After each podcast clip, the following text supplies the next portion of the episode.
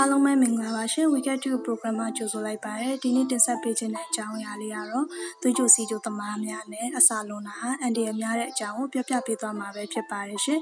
သွေးကြိုစီကြိုရှိသူတွေမှာဒီလိုထမင်းအနက်ကြော်သွားတာဟာအရန်အန်တီရများပါတယ်ဒီလိုထမင်းအနက်ကြော်တာဟာစီကြိုထိန်ဖို့ဘာကိုနှောင့်နေစေတယ်လဲဆိုရင်နံပါတ်1 သွေးအချိုဓာတ်တက်ချင်းကြခြင်းသွေးအချိုဓာတ်တက်လိုက်ကြလိုက်ဖြစ်နေတာဟာအင်မတန်အခက်တွေ့ရတဲ့ပြဿနာတစ်ခုပေါ့နော်ထမင်းနဲ့ကြော်တဲ့အခါမှာဒီလိုအချိုဓာတ်အတက်အကျပိုဆိုးတတ်ပါတယ်ဖြစ်နိုင်ရင်ထမင်းသုံးနှက်ကိုအချိန်မှန်မှန်စားစေချင်ပါတယ်ဒါမှသာအချိုဓာတ်အတက်အကျမှန်ပြီးအင်ဆူလင်နဲ့စီးကျိုဆေးတွေပုံမှန်အလုံးလုံးနိုင်ပြီးတော့စိတ်တူစိတ်ဆက်လွယ်တာပင်မနှွမ်းနေတာခေါင်းကိုက်တာစတဲ့လက္ခဏာရက်တွေကိုမခံစားရမှာပါ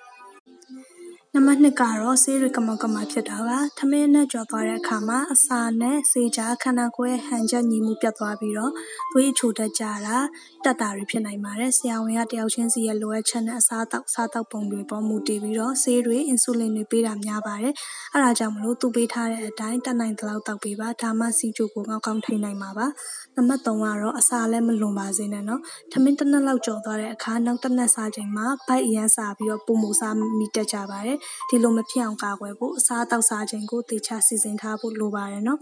နံပါတ်၄ချက်ကတော့မနက်ခင်းအစာမစားမီအချိုဓာတ်တက်နေတာပါတချို့တွေကဒီလိုအချိုဓာတ်တက်နေလို့မနက်ကြဘာမှမစားပဲနေတတ်ကြပါတယ်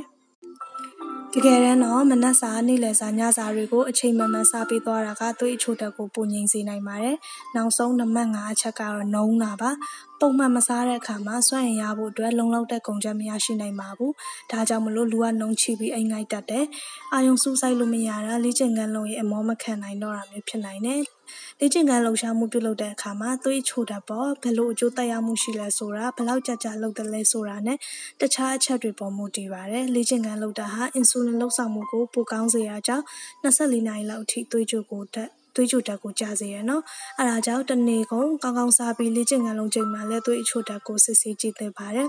တတိထားဖို့ကတော့ထမင်းနဲ့မကြော်ပါစေနဲ့ထမင်းစားချိန်ကိုတေချာရွေးချက်စားတော့ပါအထူးသဖြင့်မအားလက်တဲ့နေ့တွေမှာပေါ့နော်နောက်ပြီးတော့တနေ့ကိုထမင်းသုံးနှက်ကိုတတ်နိုင်တဲ့အချိန်မှမှစားပေးပါကိုကျမကြီးနဲ့စီးကြိုထင်းသိမ်းနိုင်မှုတွေပေါ်မူတည်ပြီးမေးချင်မြန်းချင်တာတွေကိုဆရာဝန်နဲ့တိုင်ပင်ပါနော်အားလုံးကျေးဇူးတင်ပါတယ်ရှင်